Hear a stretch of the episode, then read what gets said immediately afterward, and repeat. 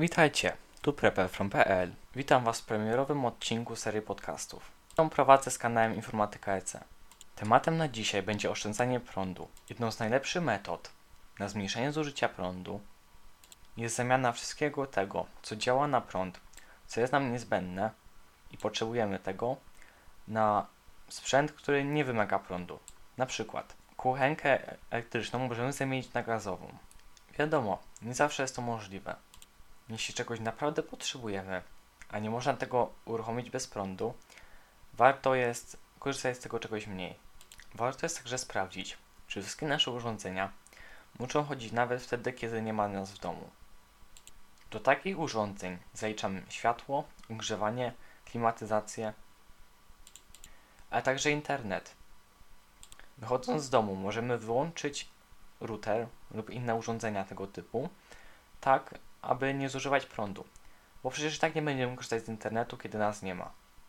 Jeśli jesteśmy już w temacie internetu, jestem przekonany, że dużo z Was łączy się z internetem za pomocą Wi-Fi. Tutaj możemy znowu zaoszczędzić prąd. Jeśli kończymy korzystać z internetu na urządzeniu podłączonym pod Wi-Fi, oprócz wyłączenia routera, możemy także włączyć Wi-Fi w tym urządzeniu. Takie Wi-Fi w przykładowym telefonie czy laptopie może nieznacząco, ale zawsze generuje dodatkowe zużycie prądu. To samo dotyczy transmisji danych. Polecam także sprawdzić, czy na Waszym urządzeniu nie jest włączona usługa GPS. Jeśli nie korzystacie z map, funkcja ta jest Wam zupełnie zbędna, a wyłączenie takiego GPS-a również zwiększy żywotność baterii Waszego urządzenia. Warto także nieco zmniejszyć jasność ekranów w Waszych laptopach czy telefonach.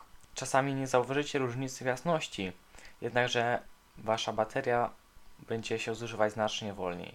Można także zmniejszyć głośność głośnika lub go całkowicie wyciszyć.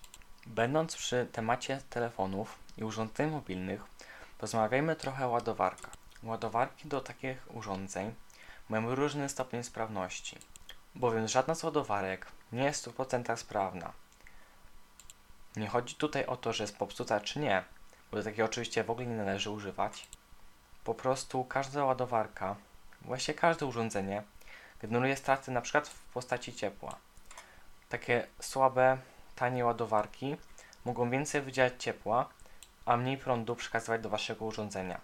Wymiana takiej ładowarki może być nieco droższa, bo te ładowarki są oczywiście droższe, jednakże pomogą Wam zaoszczędzić trochę prądu przy ładowaniu tego typu urządzeń. Niewielkie znaczenie, ale zawsze ma także używany kabel. Te dłuższe kable lub zrobione z gorszego przewodnika mogą również generować straty energetyczne. A więc jeśli jest to możliwe, wybierajcie jak najkrótsze kable, bo to także ma znaczenie. Ok, teraz przejdźmy do kolejnej części odcinka, w której opowiem trochę o źródłach energii odnawialnej.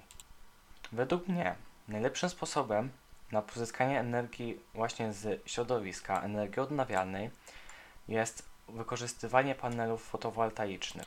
I tutaj też uwaga, Panele mają różną sprawność.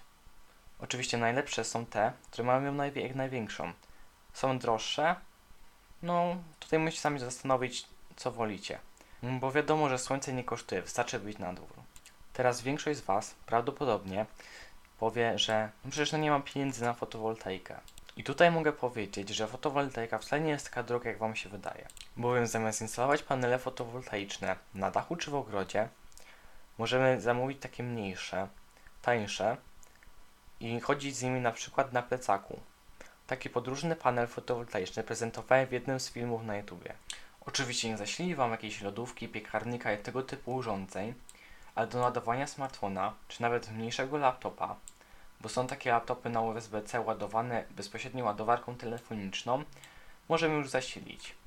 A przy okazji pomoże nam zasilić telefon w podróży, kiedy nie ma dostępu do sieci 230.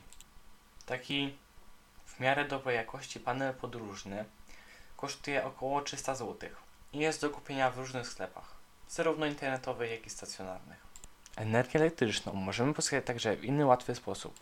Jeśli macie auto, to tak naprawdę macie pełni sprawny agregat prądotwórczy. Wystarczy dokupić przetwornicę. Taka przetwornica bez problemu zamieni prąd z Waszego akumulatora samochodowego w prąd 230. Większość dostępnych na rynku przetwornic posiada zabezpieczenia przed nadmiernym rozładowaniem akumulatora, a więc nie musicie się obawiać, że wasz akumulator będzie zbyt rozładowany i nie odpalicie silnika. Takie przetwornice też nie są drogie. Przy zakupie tego typu przetwornicy należy zwrócić uwagę na jej sprawność oraz moc, jaką potrafi zapewnić. Przetwornica, która zasili większość modeli laptopów, może kosztować około 200-300 zł.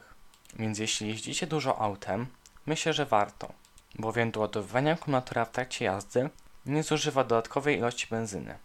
Wróćmy na koniec jeszcze do tematu sprawności urządzeń. Kupowane przez Was urządzenia w sklepach mają podane zużycie prądu, ale nie tylko. Większe urządzenia, np. pralki, lodówki, piekarniki mikrofale i tego typu, oprócz zużycia prądu, mają podaną tak zwaną klasę energetyczną, czyli efektywność, jaką osiągają przy danej ilości prądu. Im wyższa klasa, tym mniej prądu zmarnujecie korzystając z takiego urządzenia. Więc przy zakupie nowego urządzenia warto patrzeć na ten parametr. Oczywiście nie będziecie od razu wymieniać lodówki czy piekarnika, ale są mniejsze urządzenia, których wymiana będzie opłacalna. Na przykład czajnik. Różne modele czajników pobierają różne ilości prądu potrzebne do zagotowania różnych ilości wody. Jeśli macie naprawdę stary czajnik, rozważcie zakup nowego, który będzie zużywał mniejsze ilości prądu do doprowadzenia wody do wrzenia.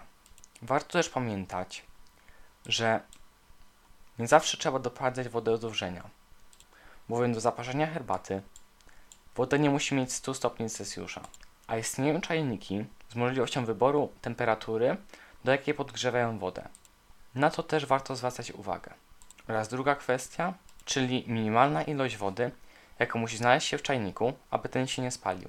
Warto kupować czajniki z jak najmniejszą taką wartością, bowiem nie zawsze potrzebujecie pełnego czajnika wody, a im więcej wody znajdzie się w czajniku, tym dłużej będzie ona doprowadzana do odpowiedniej wybranej przez Was temperatury. Inne małe urządzenia, które wymiana może się okazać opłacalna, to żarówki. Jeśli macie stare żarówki, warto wymienić je na żarówki LED. Tutaj również należy patrzeć na klasę energetyczną takiej żarówki.